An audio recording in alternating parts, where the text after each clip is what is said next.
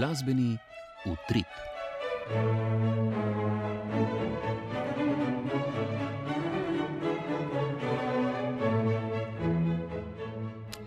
Teden je naokoli in spet je čas za glasbeni utrip, ki bo, kot kaže, v prihodnje končno poln poročan s koncertov v živo.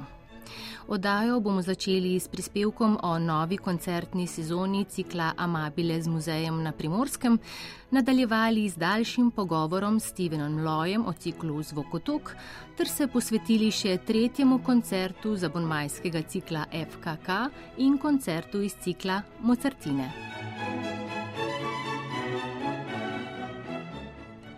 Kopersko društvo prijateljev glasbe je v prvih dneh marca priredilo svoj prvi koncert iz cikla Amabile z muzejem. Z njim je odprlo svojo 59. koncertno sezono, ki sta jo simbolično začeli domači glasbenici, mlada violončelistka Katja Panger in pianistka Tatjana Jercog, sicer tudi predsednica društva. Več Lea Hedžet.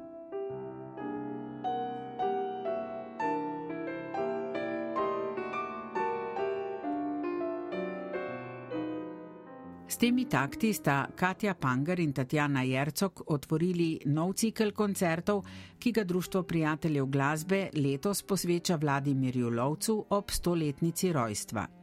In kot prva je v tem letu simbolično zazvenela njegova skladba Preludi in rondo za violončelo in klavir, ki je bila na zadnje javno izvedena pred 40 leti na koncertu ob 60-letnici skladatelja.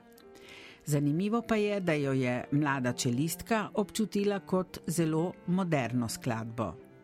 To skladbo smatram kot moderno, bolj moderno glasbo in jo težje razumem kot eh, naprimer sonato od Rahmaninova.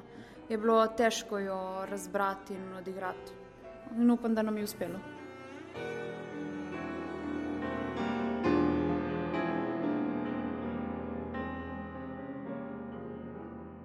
Tatjana Jercog pa je v glasbi Vladimirja Lovca našla tudi nekaj simbolike. Priznam, da sem jo ljubila nekaj časa, da sem jo razumela, tako bi rekla, globje razumela. Sicer Eh, imam rada sodobno skladbo, tako da mi ni bilo težko, ampak ne poznam lovca. Mislim, premalo vem o njem, da bi razumela te skladbi, kdo je bil on. Na srečo pa kolegica pripravlja razstavo o njem in večkrat je stekla debata. Srečevali smo se še z drugimi akteri tega projekta, ki vsak je pripomogel malo k tej zgodbi. In recimo tako, sem začutila v tem preljudju na veliko globino, globino čustva, globino misli. In ta preludij se mi zdi prav ena taka refleksija. Pri rondoju pa sem nekaj časa, nisem točno razumela, kako ga bi opisala, ampak potem mi je en dan prišel na misel metronom. Namreč pri uh, postavljanju razstave, ki bo bila v naslednjih mesecih, uh, so kolegice našle prav metronom Vladimira Lovca. In potem je prišel na misel, da je to neka taka igra tega metronoma, kako uh, izvajalec vadi vadi z metronomom in v teku tega vadenja v bistvu ti pre, se preplavijo misli in čustva. Torej, začneš zelo pedantno, potem se razburiš, uh, se zaljubiš, se odljubiš, se zasanjaš, dokaj se na ponovno postaviš v, v red, v metronom, v ritem. In tako sem si to zgodbo nekako na tak način predstavljala.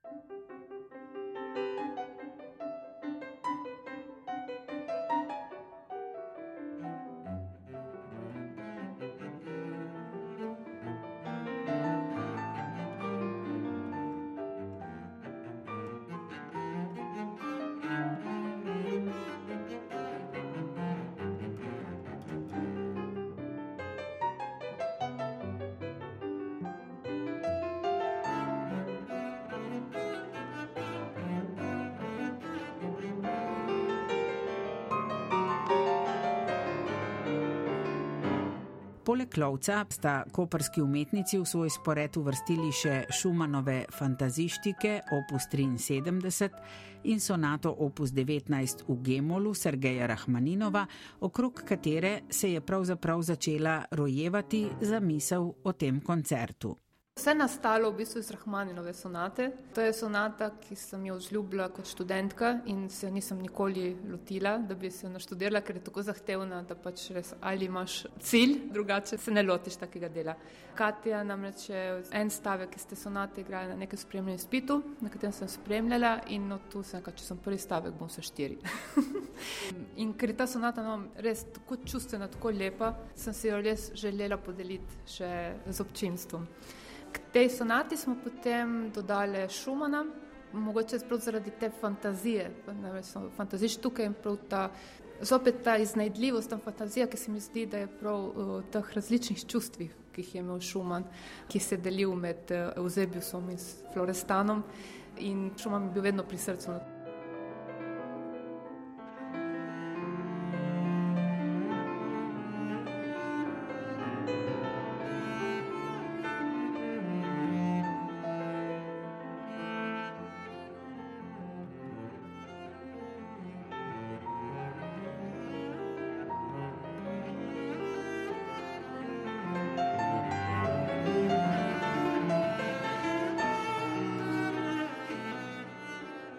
Posebno sporočilo pa je Tatjana Jercok odkrila v sonati Rahmaninova, ki jo je povezala z okrutnim časom sporov, ki jih trenutno doživljamo na tem svetu. Ja, priznam, da tudi mi je bilo zelo težko najprej se veseliti tega uh, dogodka. Sem mislila, da prav, ker se nekako ta pandemija zaključuje, da bo to res samo nekaj veselega in uh, ne moreš, da se ne vprašaš, kakšen smisel ima to, kar počneš, sploh če ni to nekaj primarnega za življenje. Uh, Uh, najprej sem pomislil, da delamo nekaj lepega, da kultura je nekaj lepega in nekaj, kar lahko delimo z drugimi.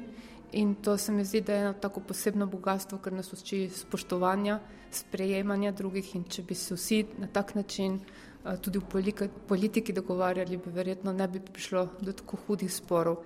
Um, Rahmanjeva je v njemu veliko nostalgije, po eni strani uh, je prisotna ta melanholija, ampak tudi uh, čvrstost in uh, energija. Um, in je tako res opisuje uh, ta ruski svet, ki se mi zdi, da prav mi umetniki, glede na vso kulturo, ki je, uh, ki je z tistih krajev, pač jo poznamo, um, lahko začutiš, kakšna globina. Kakšno globino lahko imajo ljudje, in še toliko bolj mogoče boli uh, to, da so taki spori v svetu.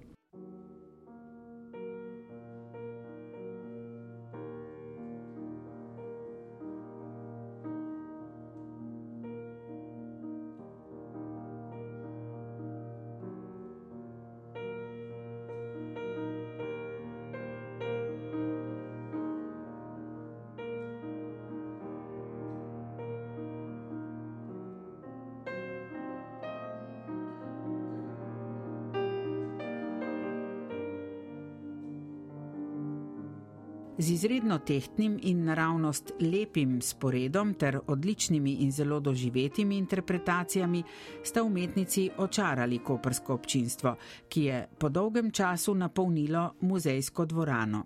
In prav to je Tatjano Jercok, tudi kot predsednico Društva prijateljev glasbe, najbolj razveselilo. Zelo sem vesela, da smo ponovno začeli priznam, da sem bila kot na začetku, nisem vedela, vse kaj treba pripraviti ob začetku eh, sezone.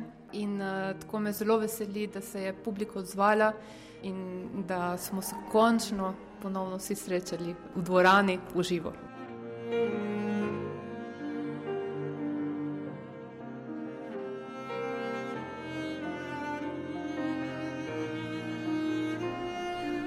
V klubu Cankarjevega doma se je v ponedeljek začel letošnji cikl sodobne glasbe Zvokotok.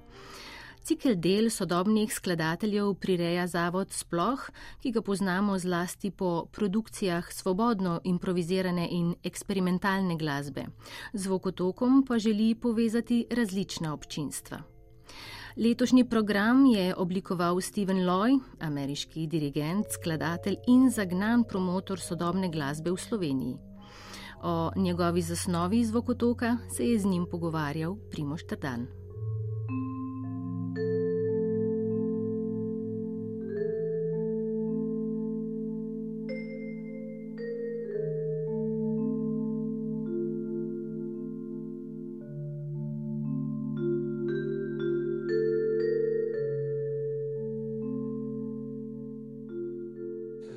Steven, samo malo formalnost se lahko vtikajva, kaj ne? Ja, jaz vede. Steven, znan si kot promotor uznemirljive nove glasbe onkraj nekih ideologij. Ne? Vabiš na koncerte, vrščaš tiste sodobne avtorje, ki naredijo močen vtis. Ne glede na to, iz katerega geografskega konca sveta ali pa estetike prihajajo, pa recimo še niso dovolj prisotni na programih tukaj v Sloveniji. Je tudi zvokotok zastavljen na ta um, način, kot odraz tvoje strasti do nove glasbe, ali je zadaj kakšna posebna ideja? I was very grateful when Tomaž Grom asked me to program a year of concerts for Zelo sem bil hvaležen, ko me je Tomaž Grom prosil, da pripravim načrt za letošnjo serijo koncertov Zvokotoka, saj sem vedel, da je to dobro uveljavljena serija in ima svoje občinstvo. Pri tem mi je bilo všeč, da gre za nekoliko drugačno občinstvo od tistega, ki običajno pride na koncerte neofonije. Kombiniral sem glasbo, ki je všeč meni in glasbo, za katero mislim, da bo všeč drugim. Pri tem pa sem razmišljal, da to ponujam občinstvu, ki ne posluša pogosto dela sodobnih skladateljev.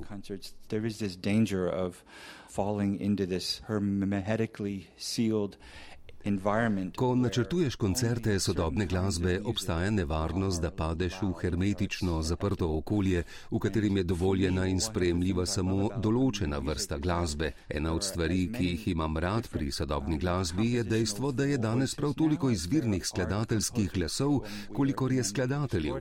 Živimo v izjemnem trenutku glasbene zgodovine, v katerem lahko vsak skladatelj pove, kar želi povedati na čisto samo svoj način came up with has a broader range of styles, but Program, ki sem ga zastavil, ponuja širok slogovni razpon, se pa osredotoča na nekaj skladateljev, ki so močneje prisotni.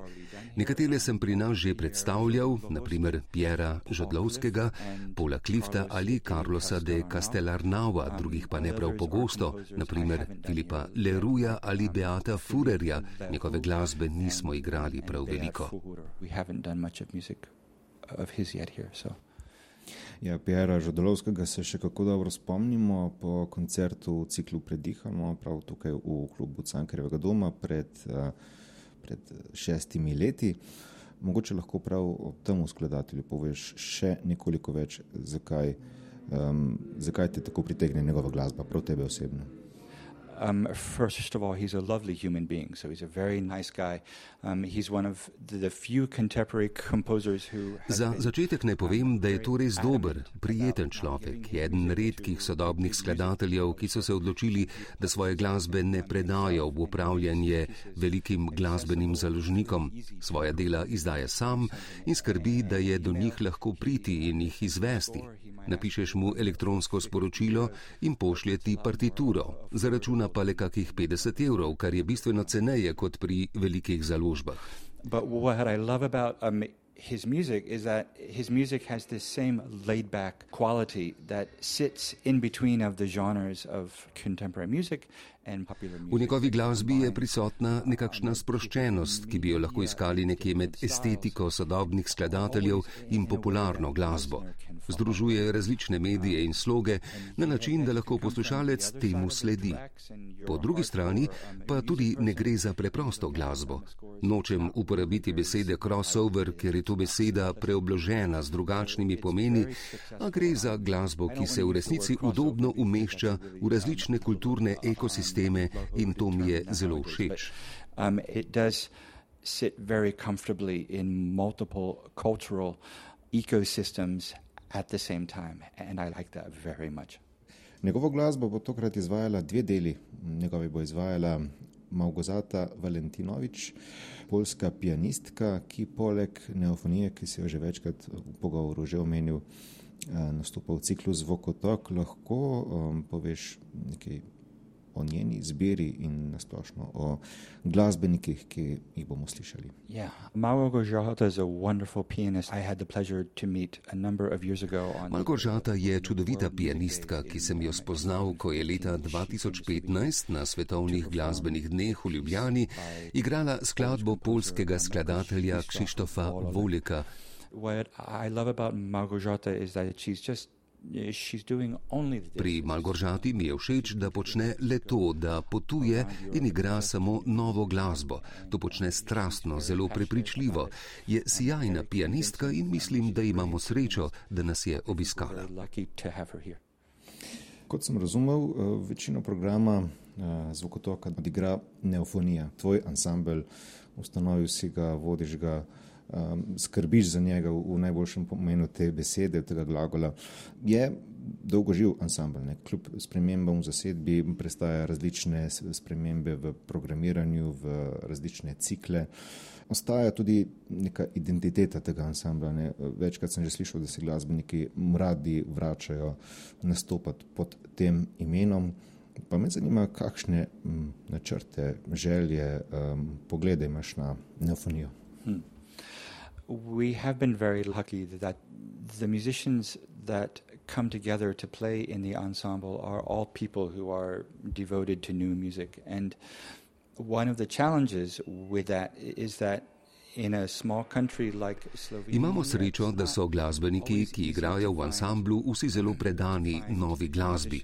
V majhni državi, kakršna je naša, ni lahko najti glasbenikov s takšno strastjo do te obrobne vrste glasbe. V skoraj 12 letih smo počasi zbrali takšne glasbenike. A group of musicians that are all passionate about new music, that all love what they're doing. What I would like to do is just keep performing music Kar se tiče načrtov, bi rad še naprej igral glasbo, ki je tukajšnje občinstvo še ni slišalo, kot smo storili s prvimi slovenskimi izvedbami del Žerarja Grizeja, Jonathana Harvija, Tristana Mureja ali Helmuta Lachenmana. Radi pa bi še naprej rasli kot ansambl.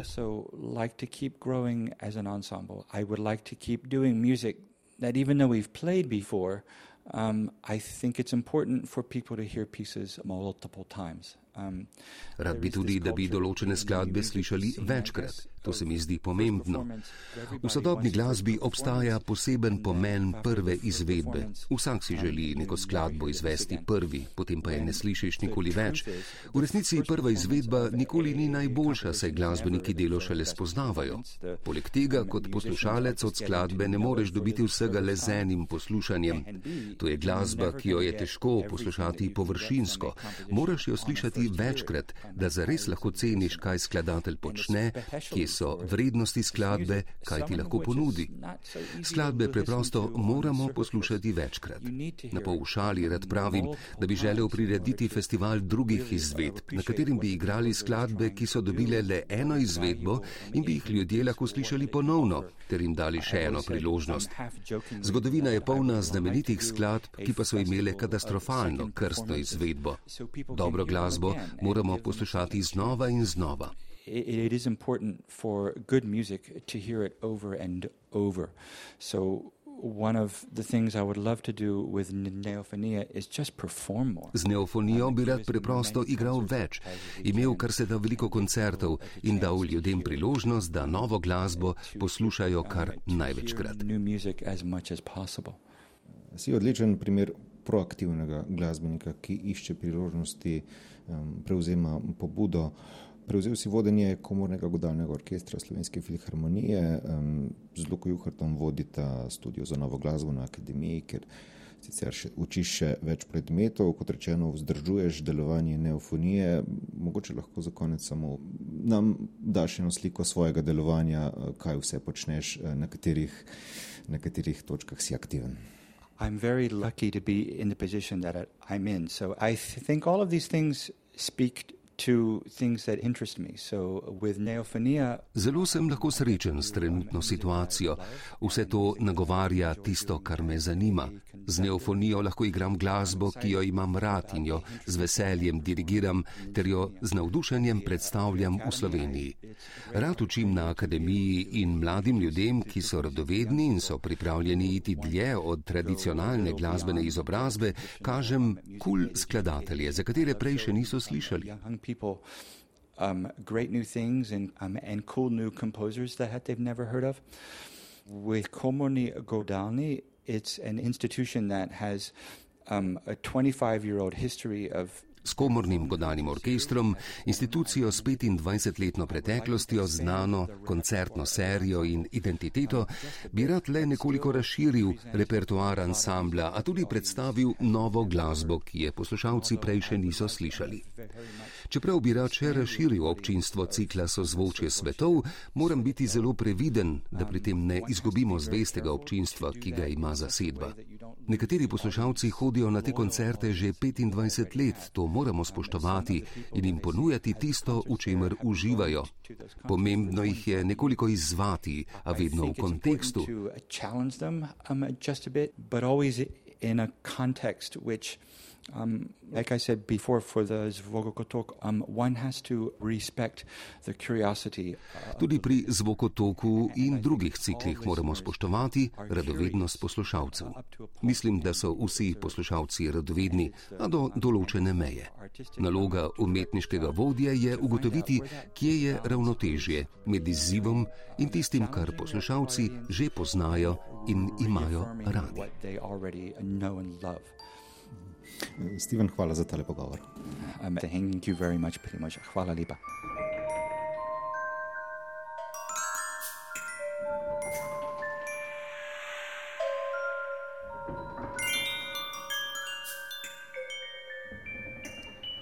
Toliko v fokusu, pred nami sta še dve razglednici. 3. marca je bil v Galusovi dvorani Cankarevega doma v Ljubljani tretji koncert iz abonmajskega cikla filharmoničnih klasičnih koncertov ali skrajšano FKK. Poročilo je pripravil Andrej Bedjanič. thank you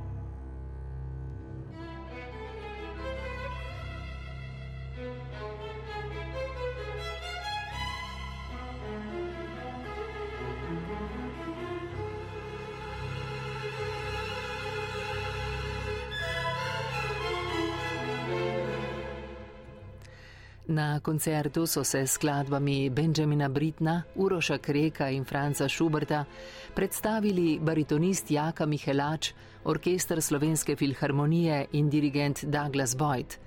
Za uvod smo slišali variacije na temo Franka Bridža, opus 10 Benjamina Britna. Skladba, nastala leta 1937 po naročilu dirigenta Boyda Nila, je doživela velik uspeh že na prvi izvedbi na Salzburškem festivalu istega leta in pritegnila pozornost svetovne javnosti. Orkester Slovenske filharmonije je tehnično in izrazno zahtevne variacije lepo izvedel. Glasbeniki so po malce obotavljajočem začetku slišali smo nekaj intonančnih negotovosti in nenatančnih vstopov, ujeli duh skladbe in jo predstavili na visoki umetniški ravni. Dirigent Douglas Boyd je orkester vodil živahno, z velikim žarom in vse skozi natančno. Kako je storma visoka?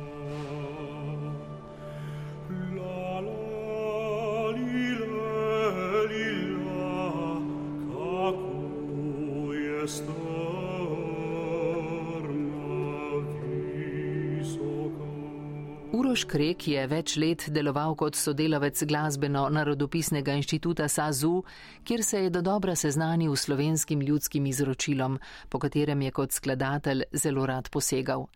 Prav v ta del Krekove ustvarjalnosti sodi pet ljudskih pesmi za glas in orkester, ki smo jih slišali v nadaljevanju.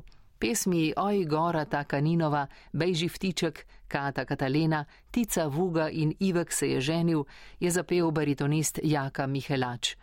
Solista moramo pohvaliti za jasno dikcijo in odlično muzikalnost, zato se ne čudimo, da mu je občinstvo namenilo dolg aplaus z glasnimi vzkliki odobravanja. Orkester Slovenske filharmonije je solista lepo dopolnjeval, dirigent Douglas Boyd, ki se je po videnem natančno poglobil v partituro, pa je poskrbel, da je Krekova umetnina zaživela v vsej svoji lepoti. Zabrala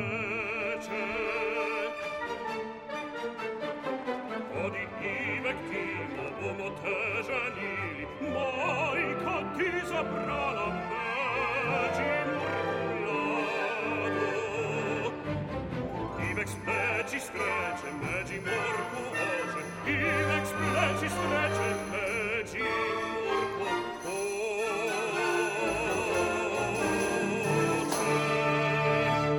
Po odmoru smo slišali še simfonijo številka 3 v D-duru Franca Schuberta.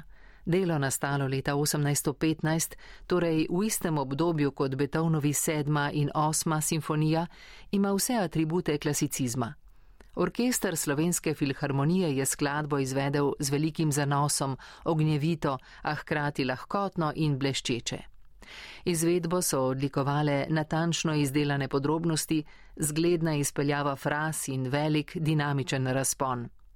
Dirigent Douglas Boyd je orkester vse čas vodil odločno, natančno in brez nepotrebnega gestikuliranja. Vse niti izvedbe so bile vse čas trdno v njegovih rokah.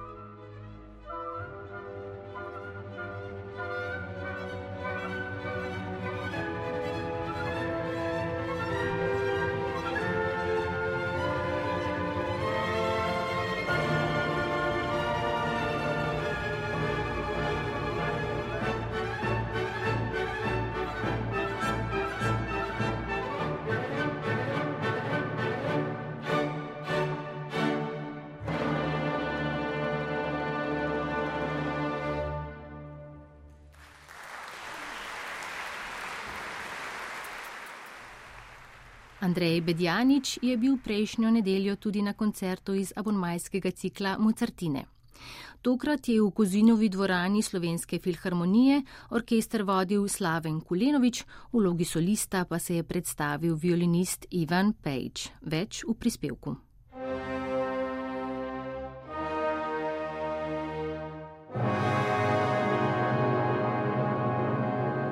Na koncertu so se skladbami Franca Schuberta in Ludiga van Beethovna predstavili člani simfoničnega orkestra RTV Slovenija, violinist Ivan Pejič in dirigent Slaven Kulenovič.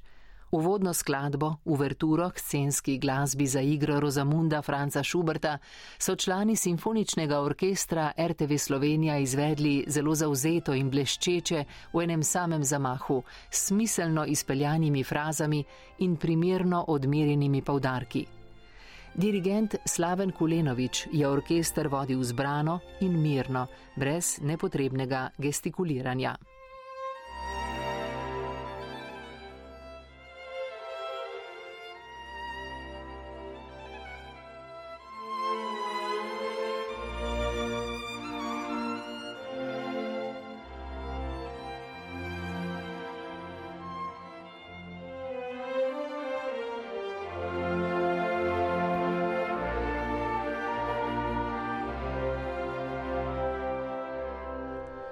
Nadaljevanju smo slišali romanci za violino in orkester številka 2 v F-duru in številka 1 v G-duru Ludiga van Beethovna. Gre za skladbi, ki od solista zahtevata pretanjen čut za muziciranje, pa tudi odlično obvladovanje tehnike. Solist, violinist Ivan Pejič je svoj part izvedel na visoki umetniški ravni, z lepim zaokroženim zvenom. Tehnične težave je obvladal dokaj lahkotno in prepričljivo, nekaj manjših intonančnih negotovosti pa ni skazilo zelo solidnega vtisa izvedbe. Simfonični orkester RTV Slovenija je odlično dopolnjeval igro solista, dirigent Slaven Kolenovič pa je vse skupaj prepletel v občutljivo, a trdno stoječo umetnino. Izvedba romanc je poslušalcem v Kozinovi dvorani Slovenske filharmonije v Ljubljani ugajala in nastopajoče so nagradili z glasnim aplauzom in vzkliki odobravanja.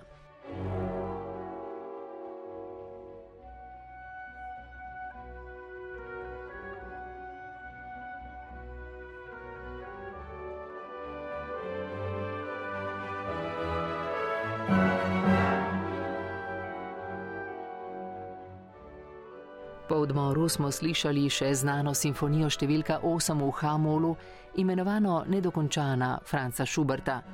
Simfonični orkester RTV Slovenija je to znano in priljubljeno skladbo lepo predstavil z velikim številom dinamičnih otenkov, nad vse primernimi tempi, z natančno izdelanimi podrobnostmi. Dirigent Slaven Kulenovič je orkester vodil natančno in zbrano a je glasbenikom vseeno pustil dovolj prostora za muziciranje.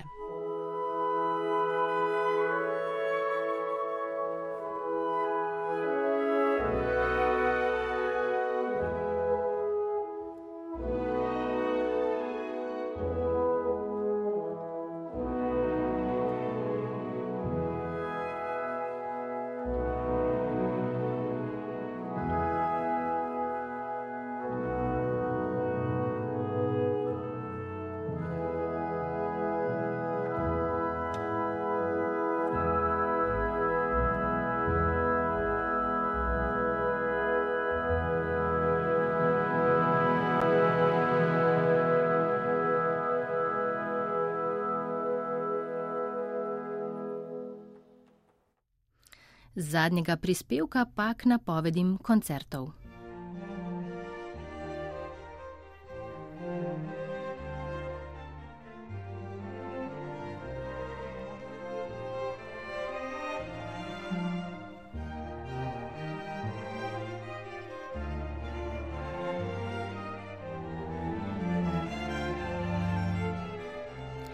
Že danes, v sredo, lahko ob 18.30 v dvorani Ljubljanske univerze na Kongresnem trgu slišite študente harfe iz Akademije za glasbo Univerze v Ljubljani ter Glasbene akademije Univerze v Zagrebu. Uro pozneje pa bo v Rdeči dvorani mestne hiše koncert iz cikla Solo Eda Kamera, na katerem boste nastopila saksofonistka Nika Deželak in harmonikar Mile Đurđević. Ostajamo v rdeči dvorani mestne hiše v Ljubljani, v kateri bo ta četrtek tudi koncert gostujočega profesorja saksofona Sumičika Arimura. Ob njem boste slišali pianistko Maso Macura ter goste Matjaža Drevenška, Miho Rogina in Jana Gričarja. Koncert bo na sporedu ob 19.30.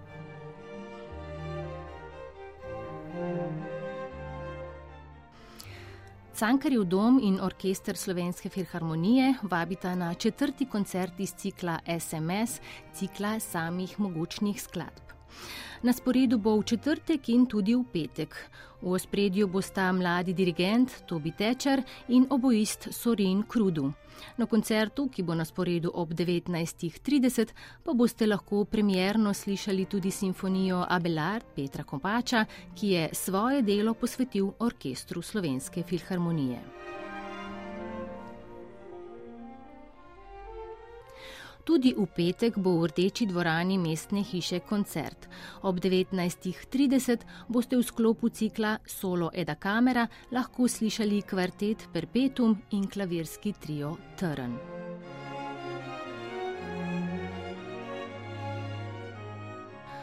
To sobotno dopoledne bodo v slovenski filharmoniji spet posvetili otrokom. Na sporedu je namreč že četrti koncert družinskega abonmaja. Ob pomoči zbora Slovenske filharmonije pod vodstvom Jerice Bukovec bodo naši najmlajši spoznali, kako so si ljudje po svetu v preteklosti s petjem krajšali dolge ure. Če se koncerta ne morete udeležiti, še vedno lahko spremljate neposredni prenos na programu Ars. Naslišanje ob 11.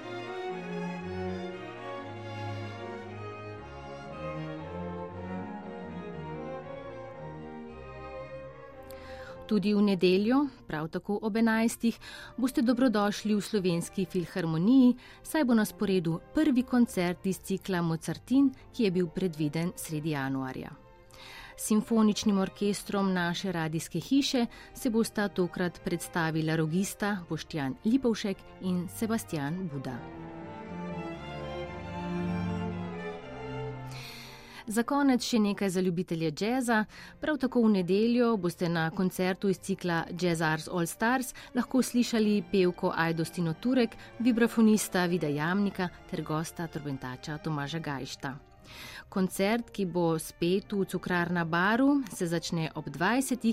seveda pa ga bomo spet neposredno prenašali na programu Ars. Tem zadnjim povabilom na koncert se za danes od vas poslavljamo. Tokrat smo bili z vami avtori prispevkov Primoš Trdan, Andrej Bedjanič in Lea Hedžet.